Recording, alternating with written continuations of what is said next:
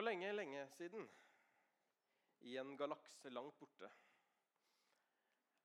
Eller nei, det var forresten det var forresten i vår galakse det skjedde. At Gud skapte jorda. Sånn ser den ut. Den er rund, selv om eh, Flat Earth Society på Facebook får stadig flere medlemmer. Så tror jeg de fleste mener at jorda er rund. Det er i hvert fall sånn vi kjenner den. Og Det står i Bibelen at i starten så lå jorden øde og tom. Og så skapte Gud lys, han skapte dyr og til slutt menneske. Og Vi skal begynne med å lese fra første Mosebok, hvor du kan lese om skapelsen. Og Vi skal lese fra vers 26 og utover, hvor det står Gud sa, la oss lage mennesker i vårt bilde, så de ligner oss. De skal råde over fiskene i havet og fuglene under himmelen, over feet og alle ville dyr og alt krypet som det kryr av på jorden. Og Gud skapte mennesket i sitt bilde. I Guds bilde skapte han det, som mann og kvinne skapte han dem. Gud velsignet dem og sa, vær fruktbare og bli mange. Fyll jorden og legg den under dere. Dere skal råde over fiskene i havet, over fuglene under himmelen og over alle dyr som det kryr av på jorden. Og Gud sa, se, jeg gir dere alle planter som setter frø, alle som fins på hele jorden, og alle trær som bærer frukt med frø i. Det skal dere ha å spise. Og til alle dyr på jorden, og til alle fugler under himmelen, og til alt som kryper på jorden, alt som har livsånde i seg, gir jeg alle grønne planter å spise. Og det ble slik. Gud skapte jorda, og så ga han menneskene i oppdrag å forvalte jorden. Jorden. Legg den under dere, sa han. Og Det var det aller første oppdraget som mennesket fikk. Legg jorden under dere. Gud sa, 'Se på alt det gode som jeg har skapt. Ta vare på det. Bruk det. Gled dere i det.' Og Så begynner det å bli ganske lenge siden de første menneskene, Adam og Eva, tok imot det oppdraget. Og så har kanskje mennesket med tiden også blitt dårligere på å ivareta den jorden som vi har fått. Og En del vil si i dag at de er mer opptatt kanskje av å forbruke jorden enn å forvalte den. Og Vi er kommet fram i dag til eh, del to i vår fastetaleserie som vi har kalt Tid for service. Og Jeg fikk altså gleden av å snakke om eh, forvalteransvar og materialisme. Det er ikke det jeg pleier å snakke ofte om. Jeg vet ikke helt hvorfor jeg fikk det. Kanskje de andre mente at jeg var veldig god på materialisme. Uten at det nødvendigvis er noe positivt. Og jeg tenker at eh, det kan være fint å utfordre hverandre litt også rundt disse temaene. Det kan jo hende at det er grep som vi bør ta i våre egne liv rundt det her. Og Jeg håper at vi i løpet av denne talen kan tenke litt på hvordan ser det her ut for meg, med forvalteransvar og materialisme. Og Det er jo aktuelle, tidsaktuelle temaer. For bare to dager siden på fredag så var det ca. 40 000 unge landet over som gikk i demonstrasjonstog for miljøet og streiket fra skolen for å prioritere miljøet. Mange gjorde det, og det ble omtalt som den største klimademonstrasjonen i Norge noen gang. Det sier litt om at klima og miljø det er saker som engasjerer. Når barn og ungdom er villige til å streike fra skolen for å gå i tog ja, det er kanskje villige til å streike for mye, egentlig. Men eh, når så mange allikevel velger å gå i tog, ikke bare ta fri, men faktisk gjøre noe og demonstrere, så sier det noe om at det er et budskap som antagelig betyr en del for de som velger å gjøre det, selv om de får fravær og alt det der. Klima og miljø er stadig å lese om i media, TV. Det er ikke alltid det snakkes like høyt om det i kirkene våre. Og hvordan bør vi som kirker og menigheter forholde oss til forvalteransvaret som vi har fått? Tror vi på en skaper som har skapt jorden og gitt oss i oppdrag å forvalte den, så burde det kanskje bety noe for oss som kristne. Så ligger det en del ressurser også i jorda som vi forvalter på ulike måter. Hvordan fordeler vi og utnytter vi de ressursene som allerede fins på jorden? Der er det en ganske skjev fordeling, om vi ser verden under ett. Og så har vi en kjempeutfordring når det gjelder å forvalte alt det vi har fått på denne jorden, på en god måte. I forhold til eh, ressurser, eiendeler, verdier, penger og det å tenke på de kommende generasjoner som kommer etter oss også. Og Bibelen sier i Forkynneren 1.11.: Ingen tenker på slekter som var, og slekter som en gang kommer, vil heller ikke leve i minne hos dem som siden skal følge. Det er ikke alltid vi tenker så mye på de som har gått foran oss. Men det hender at vi tenker litt på de. Og så er det ikke alltid vi tenker så mye på de som kommer etter oss. Og kanskje enda dårligere til å tenke på de. Vi lever ofte i, i nuet. Her og nå. Nå hadde vi akkurat eh, årsmøte her i menigheten forrige søndag hvor vi skulle planlegge litt og legge et budsjett for året som ligger foran. og legge, altså planlegge året. Vi vet at uten god planlegging så blir det ofte dårlig. Men noen ganger er det også kanskje behov for å planlegge litt lenger enn bare det neste året. Og Hvordan kan vi legge til rette for å planlegge så langt at det ikke bare angår oss, men også de som kommer etter oss? Og På noen offentlige toaletter så står det ofte skilt at eh, 'tenk på de som kommer etter deg'. Som betyr at doen skal være like innbydende for dem som når du kommer inn. Og så er vi kanskje ikke alltid like flinke der. For Vi vet jo ikke hvem som kommer etter oss. Det er ikke lett alltid å bry seg om de som vi ikke vet hvem er. Det blir liksom litt fjernt. Men hvis ikke vi klarer å bry oss etter dem som kommer etter oss på do, hva med da de som ikke er født ennå? Å bry seg om de, det kan være utfordrende, tror jeg. Og så er det liten tvil i dag. Det er diskusjoner om klima og miljø. Jeg skal ikke gå inn i detaljer på det, men det er liten tvil i dag om at måten vi mennesker lever på, ikke alltid er den beste for moder jord. Selv om som sagt, mange av temaene kan være omdiskutert, så er ikke det heller poenget med denne talen. Jeg kommer ikke til å gå inn på alt med klimaendringer og global oppvarming og regnskogen og fornybare ressurser og klimagasser, ozonlaget og miljøkvoter og det her. For det krever nok mange taler i seg selv og er ganske store temaer og områder. Og jeg er heller ikke ekspert på det. Men det som jeg mener uansett er udiskutabelt for alle som tror, er at når Gud ga menneskene en, et ansvar om å forvalte jorden, så har vi fått et ansvar som vi må ta på alvor. Og Så kan det se litt ulikt ut i våre hoder, men vi har fått et ansvar som jeg tenker at vi trenger å ta. Et ansvar fra skaperen om å forvalte det skapte. Gud har lagt til rette for oss, og så er vi kanskje ikke alltid like flinke til å ivareta det ansvaret som vi har fått. Og Jeg snakker også veldig til meg sjøl i dag, som jeg ofte gjør. Eh, jeg er nok ikke en av de som er mest miljøbevisst. Og jeg kan ofte være kanskje en av de som tenker at hva hjelper det om, eh, om jeg gjør noen grep i mitt liv for å få en bedre verden? Det blir jo på en måte bare en dråpe i havet. Men så er det noe med at mange bekker små gjør en stor å. Og det er klart at det hjelper det hver enkelt gjør.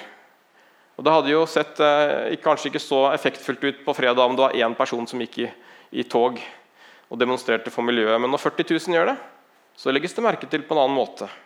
Fordi at sammen, når alle gjør litt, så blir det en større betydning. Og Vi kan merke i andre land hvor man kanskje ikke har de samme ressursene og mulighetene som i Norge, så er de kanskje flinkere, nøyere på for å slukke lys i rom i huset som de ikke bruker enn vi er. Vi kan ofte la lyset stå på uten at vi engang tenker på at, at det er så mye på. I hvert fall noen av oss. Men Mange steder så har de ikke engang elektrisitet. Mens vi tar det som en selvfølge at når vi trykker på knappen, så skal det komme lys med en gang. Det er bare sånn vi er vokst opp og opplært til at sånn er det. Og Hvor lyset kommer fra, eller hvorfor det er sånn, det er kanskje mer underordna. Det at det skal fungere, bare. Så tenker jeg at det er viktig å finne en vei. da. Og hvor begynner man?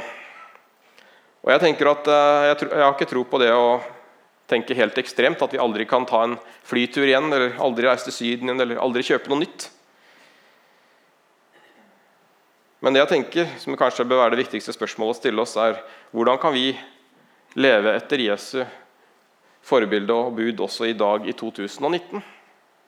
Hvordan kan vi følge Jesus i 2019 også når det gjelder dette med ressurser, klima og miljø? Og jeg tror at Et ord som kan være viktig der, det er påvirkning. Jeg tror at Noe av det viktigste vi kan gjøre, det er å påvirke. Bl.a. påvirke politikere, mennesker rundt oss, men også hvis vi skal påvirke, så må vårt liv og våre holdninger stemme overens med det livet som vi lever. Da må vi ofte begynne med oss selv, og begynne i det små. De store endringene kan bli for mye på en gang, men jeg tror på de små endringene. Så det hjelper, ja, å sykle til jobb istedenfor å kjøre bil hver dag. Og Jeg er ikke flink på å sykle til jobb, så jeg skal ikke si noe der, men, men jeg har gjort det en gang. Og jeg har som mål å gjøre det litt oftere. Men Det er ikke alltid det går, men det er kanskje et sted å begynne som er naturlig for deg. Å tenke at nå skal jeg begynne å sykle litt oftere til jobb. For vi har et ansvar sammen, også som menighet, også å ivareta miljøet. Og Jeg er veldig glad for at også denne menigheten her for en, en god stund tilbake siden bestemte at vi skal ikke ha engangskopper og tallerkener på kirkekaffen. Vi skal kjøre porselen, og så vasker vi det opp. Og Så er det litt mer jobb å vaske opp. Men det er en ting som vi har bestemt at sånn skal det være her i denne menigheten. Og det synes jeg er fint, for det er noe vi har gjort bevisst nettopp pga. miljøet. Og Det er ikke alltid de store grepene som, sagt, som skaper endring, men de små grepene som gjentas over tid. Jeg tror at kanskje Noe av kjernen til problemet med forvaltningen av kloden vår det er at mange vil hjelpe, men så vet man ikke hvor man skal begynne. Så jeg har tro på som sagt, de små tingene som alle kan gjøre på en enkel måte. Så det å bytte ut som sagt, engangs med porselen og vaske opp som vi gjør her, det er en liten ting som vi gjentar hver søndag, og som jeg tror kan være en måte å påvirke på. Hvilke grep er det du kan ta? For å gjøre litt for de generasjonene som kommer etter oss. Noen sier jo at det femte budet heter seg for at eh, du skal ikke stjele. Og Når forbruket overstiger planetens bæreevne, så stjeler vi fra de andre i nåtid. Og så stjeler vi fra kommende generasjoner i fremtid.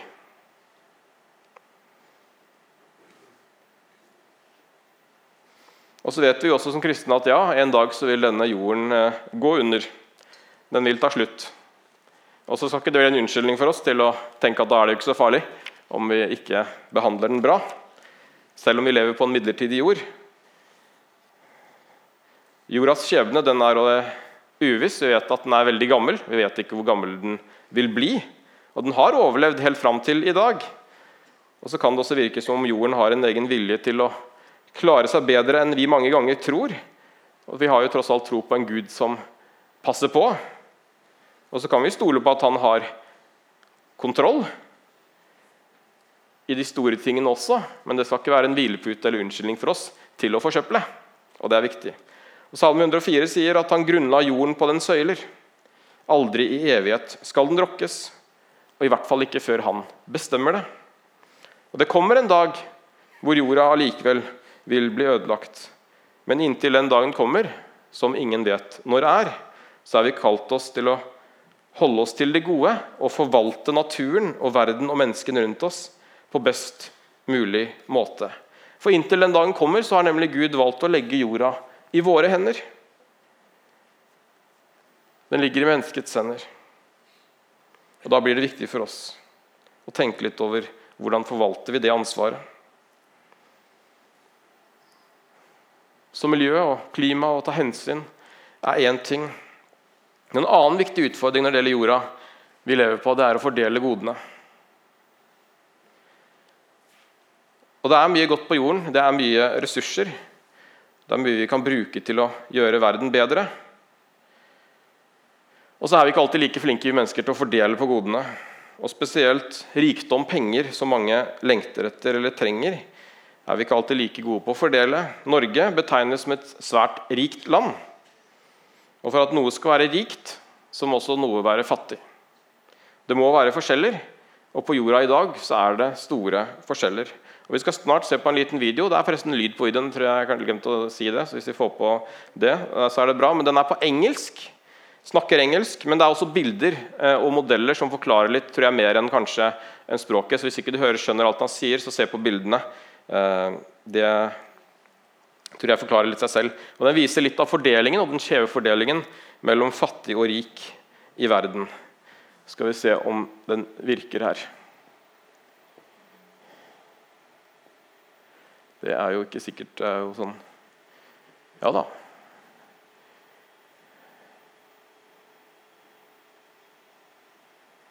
Det er mulig vi ikke er så veldig langt unna, faktisk. Det er i hvert fall en play-knapp der, men det er ikke sikkert den virker. Det er noen ganger det ikke hjelper, selv om vi trykker mange ganger på play. Så. Nei, det er så dårlig ut. Det er alltid lurt å teste ting på forhånd, har lært. Og det er ikke alltid det hjelper heller. Nei. Ser ikke ut som den uh, virka, faktisk. Prøv en gang til. Nei. Nei. Sånn er det. Da dropper vi den. Vi kan ta det bildet istedenfor. Eh, poenget er i hvert fall at den videoen viser at eh,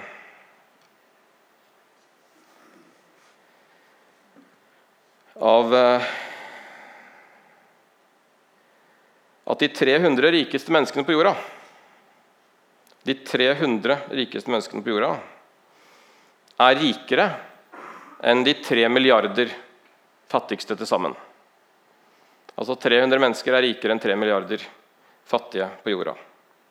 Det viser videoen. Og så er ikke den videoen helt riktig, faktisk, for den er noen år gammel. Og En nyere artikkel fra VG viser at det faktisk har blitt verre. Og nå er det slik at De 85 rikeste i verden eier mer enn de fattigste 3,5 milliarder menneskene. Altså 85 mennesker eier mer enn 3,5 milliarder mennesker til sammen. Forskjellene blir bare større og større.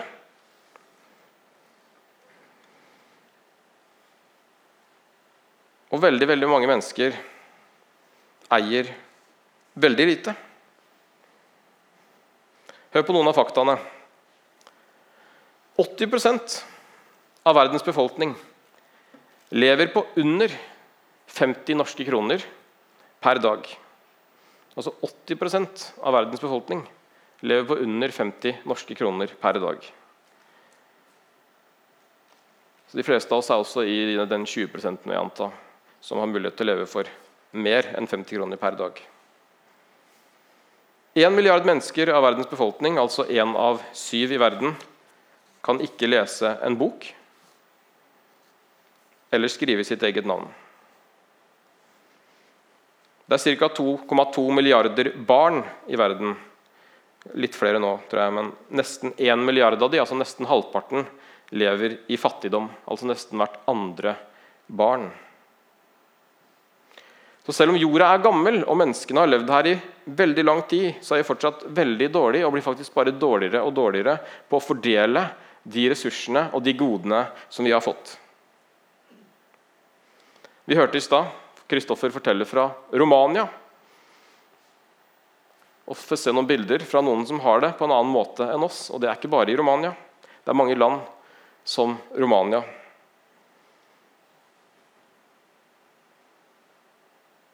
Og så er det noen ting som har blitt bedre de siste årene på noen områder. Det gjøres mye bra innen vaksine og innen skaffe rent vann til mange steder. Men det er også fortsatt store utfordringer, og det er store skjeve fordelinger i verden. Hva tenker vi i Norge om fordeling av goder som et rikt land, hvor materialisme fort kan bli en utfordring for oss? Det er stadig ting vi nordmenn kan få lov til å bruke penger på. De siste årene så kom det et nytt marked på banen til kjøpeglade nordmenn da det ble inn for mange med merkeklær til babyer. Så man kunne kjøpe babyklær til flere tusen kroner, som da babyen vokste ut av i løpet av kort tid. Men for noen så var barneklær det nye statussymbolet. Det å vise at man hadde råd til en, en gantkjole eller hva det heter for noe til babyen. Et eller annet. Det er veldig lite greie på det, og heldigvis for det. Men vi har så mye penger i Norge altså, at vi må finne på ting som vi kan bruke pengene på. Altså Vesker, jakker, klær. Et eller annet som kan koste mye, som ofte er samme kvaliteten som det som koster lite. Men det handler om å vise at se, jeg har råd til en uh, Lercodo-veske, eller jeg vet ikke om det er noe som heter det, men dere skjønner poenget. Vi må jo stadig ha det nyeste ikke sant? innen mobil og iPad og telefon og, og bil og alt. Vi må jo henge med, vi må være up to date. Og så må vi finne på nye ting å bruke pengene på fordi vi har så mye av dem, i motsetning til mange andre land. Jeg får sånn eh, bibelvers på eh, telefonen min hver dag eh, om morgenen. Og I dag så fikk jeg et bibelvers hvor det sto 'Gi oss i dag vårt daglige brød'. Og så tenker jeg at Det er en bønn som eh, kanskje ikke betyr så mye for oss, fordi at vi har brød hver dag. Men for noen i andre land så er det en bønn de ber hver dag. Gi oss i dag vårt daglige brød, og faktisk er avhengig av Gud for å kanskje få litt brød den dagen. Så det er kontraster. Og I forhold til klær da, så er jeg veldig glad for at vi i kirka her har fått i stand et gjenbruksrom med klær i tredje etasje. Nettopp for å sette fokus på miljø og gjenbruk. Nå er det flest baby- og, barneklær der, men det er også noen andre ting hvor folk kan få lov til å droppe innom og betale det de syns er fornuftig, altså frivillig betaling, hvor du kan vippse til et nummer som står der oppe. Så Hvis du ikke har vært oppe og sett på det fine gjenbruksrommet vi har fått, i tredje etasje, så kommer det til å være åpent etter gudstjenesten i dag. Så jeg anbefaler alle å ta en tur opp i tredje etasje. Da er det liksom bare inn i gangen, og så er det et av de første andre eller rom eller sånt, andre eller tredje rommet på høyre side. Tredje tror jeg kanskje der. Der finner du gjenbruksrommet med hyller med masse klær. Så ta en titt. Det er én ting som vi har gjort for å også være en motvekt til det kjøpesamfunnet som vi ser hvor folk kan komme og gjenbruke klær og levere klær og kjøpe klær. Rasteplassen, som er vår matutdeling og kafé hver tirsdag, er også kjempeflinke på å bruke overskuddsmat og andre matvarer som butikkene kanskje sliter med å bli kvitt, eller må kvitte seg med. Og så kan vi få lov til å gjenbruke eller bruke det der, slik at ressursene blir utnytta. Og det er vi veldig stolte av. Og Rasteplassen og det nye gjenbruksrommet har også inngått samarbeid nå om klesgjenbruk. og Det er veldig bra. Så bruker det rommet i tredje etasje der til barneklær spesielt. Og så er jeg veldig glad for at vi er en menighet som sender konfirmantene våre til Romania hvert år. Og ikke på shoppingtur til London, som jeg vet at en del andre konfirmantkull drar på. Jeg tror at det er veldig bra at vi kan reise og se kontraster. Og jeg vet at det gjør noe med konfirmantene. Og jeg var selv fikk lov til å være med der for to års, tre, ja, noen år siden. Og det var veldig bra å se også de gjorde med konfirmantene, som snakka om at eh, ja, det var kanskje noen ting de skulle stryke fra ønskelisten til konfirmasjonen etter at de hadde vært i Romania. Det gjør noe med dem. Og jeg tenker at Det er bra at vi som enighet kan gjøre ulike ting. Om det er små ting, så kan vi gjenta dem og så kan vi på den måten være en motpol, motpol, til forbrukersamfunnet som vi er en del av. For I dagens samfunn så lærer vi om å ha. Mye vil ha mer. og som sagt, Større, nyere, mer fancy.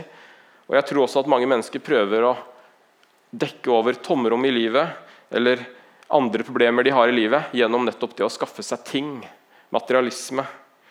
Eller tenke at bare jeg får et større hus eller en bedre bil eller et eller annet, så vil livet bli bedre. Og så lurer vi oss selv, for jeg tror ikke alltid at livsglede handler om å ha mest, eller å ha mest penger eller ting.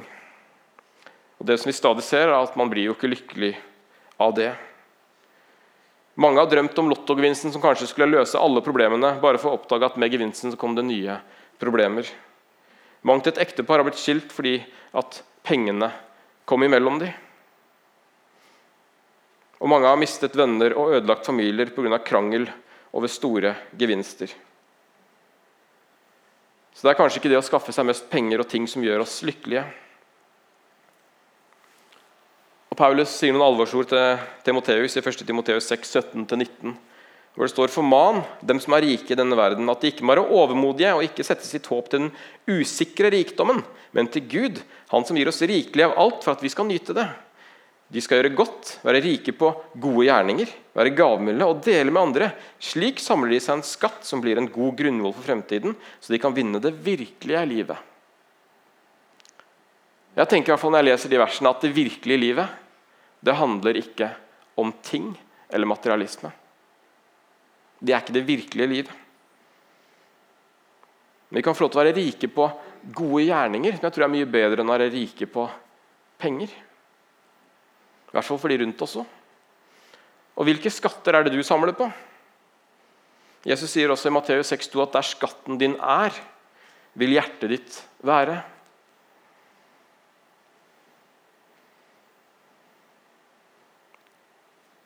Hvilken skatt samler du på i ditt hjerte? Det vi har fokus på, det er det vi fyller hjertet oss med. Har vi fokus på ting, så vil hjertet oss være fylt med ting. Og så blir det noen sirkeltre, og vi stadig vil ha mer. Og så blir vi aldri fornøyd. Og så fyller vi det kanskje et tomrom som trengs å fylles av Gud, med noe annet. Og Det er kanskje også svaret på hvorfor mange i Norge, som er et rikt land, allikevel ikke har det bra psykisk, mentalt, helsemessig.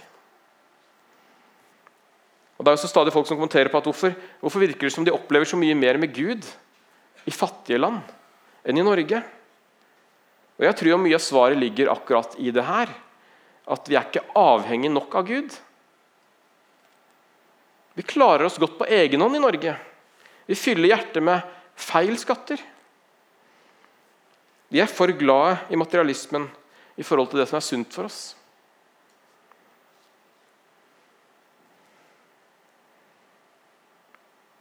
Og så er det noen lysglimt også i Norge i dag. For jeg tror også og har et håp om at mennesker begynner å erfare og se det her. Jeg tror at det, at det kommer en mer åndelig lengsel i tida som ligger foran, fordi at vi prøver å si at det med ånd og tro og sånn, det er noe privat, og det er ikke det livet handler om, eller det er ikke så viktig. Og så kjenner folk bare på et større og større tomrom, at det er noe som trengs å dekkes. De trenger å ta det åndelige behovet alle mennesker har, på alvor, og hjelpe mennesker til å fylle det med Jesus, og ikke med ting eller andre ting. Og Et lysglimt er jo at når det kommer til forbruk, så viste en artikkel nå rett før jul i fjor at over halvparten av Norges befolkning ville heller ha opplevelser i julegave enn ting. De ville heller ha opplevelse med familie, med venner, med kjæresten, enn ting. Og Det tror jeg sier litt om at vi kanskje har det meste vi trenger. Og jeg har funnet ut at det er ikke, det er ikke tinga vi vil ha under treet, for det er ikke tinga som gjør oss lykkelige. Men vi vil heller ha opplevelser med mennesker, vi vil heller være med hverandre. Og Så begynner kanskje folk å skjønne det litt mer. Og Det kan kanskje også føre til en endring på sikt, håper jeg. Men det er klart at rikdom og forbruk er en utfordring for våre liv, vår helse og vårt, vårt åndelige liv. Og så tenker jeg at En av de tingene vi også kan gjøre, det er det universelle kallet vi har fått som mennesker og som disipler til å bry oss om alle mennesker. Både de rundt oss her i Grimstad, men også de som bor på den andre siden av jorden og i Romania og andre steder.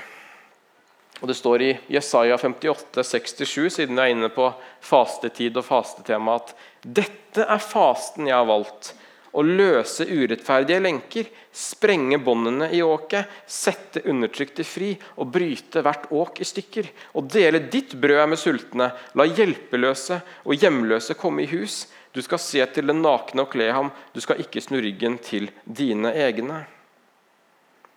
Dette er fasten jeg har valgt, å løse urettferdige lenker. Sprenge båndene, sette undertrykte fri. Og Det er også en måte å faste på gjennom å dele ditt brød med sultne og hjelpe de som trenger det og har behov. Og Jesus sier også noe om det her i Matteus 25, 42-45. For jeg var sulten, og dere ga meg ikke mat. Jeg var tørst, og dere ga meg ikke drikke. Jeg var fremmed, og dere tok ikke imot meg. Jeg var naken, og dere kledde meg ikke. Jeg var syk og i fengsel, og dere så ikke til meg. Og da skal de svare, Herre, når så vi deg sulten eller tørst, eller fremmed eller naken, eller syk eller i fengsel, uten å komme deg til hjelp? Og Da skal han svare dem, sannelig jeg sier dere, det dere ikke gjorde mot en av disse mine minste, har dere heller ikke gjort mot meg.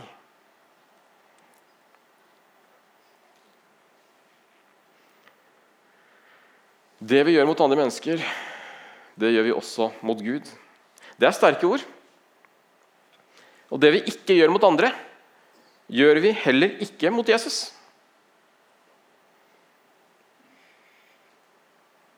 Så når, når måten vi behandler vår neste på,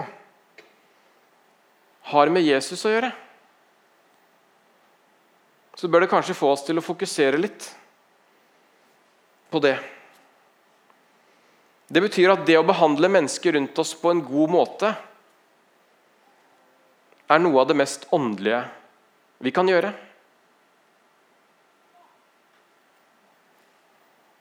Ja, vi kan tilbe Jesus i kirken. Vi kan lovprise hans navn, som vi har gjort i dag. Men en annen måte å lovprise Jesus på med våre liv, det er å behandle mennesker rundt oss bra. Å elske menneskene rundt oss slik vi elsker Jesus. Det er en grunn til at Jesus sa at å elske vår Gud og elske vår neste som oss selv. Det er like viktig. Og så er det kanskje lettest det første noen ganger. Og ikke alltid like lett å elske vår neste. En kar som heter Torstein Fjell i Misjonskirken Norge, han har sagt vår tids største utfordring til oss som kaller oss kristne, det er å elske vår neste som seg selv og være bevisst på hvordan vi behandler mennesker på jorden, spesielt de som ikke har det så godt som oss, og som bor i andre land. Og da er det vår tids største utfordring til oss som kaller oss kristne i et rikt land. Så det er alvorlig, vanskelig, og vet ikke alltid hvor vi skal begynne. Og eh, En ting du fikk lov til å være med i gjøre den gudstjenesten her, for eksempel, var jo å gi en gave til fremtiden i våre hender, som jobber for spesielt de som har det vanskelig i andre land. Så Hvis du ikke ga i kollekten i stad og tenker at ja, men jeg har lyst til å være med, så er det fortsatt mulig å gi en gave til fremtiden i våre hender gjennom å vippse over eller gå inn på nettsiden deres og finne ut av det.